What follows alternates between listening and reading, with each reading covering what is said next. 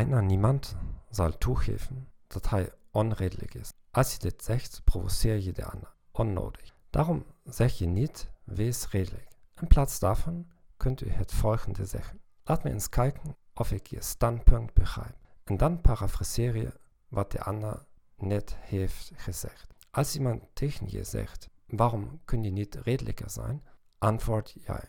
Ik ben zo redelijk als ik weet en als ik geluk heb, zal ik er beter in worden redelijk te zijn. Maar blijkbaar zie ik het probleem anders dan jij.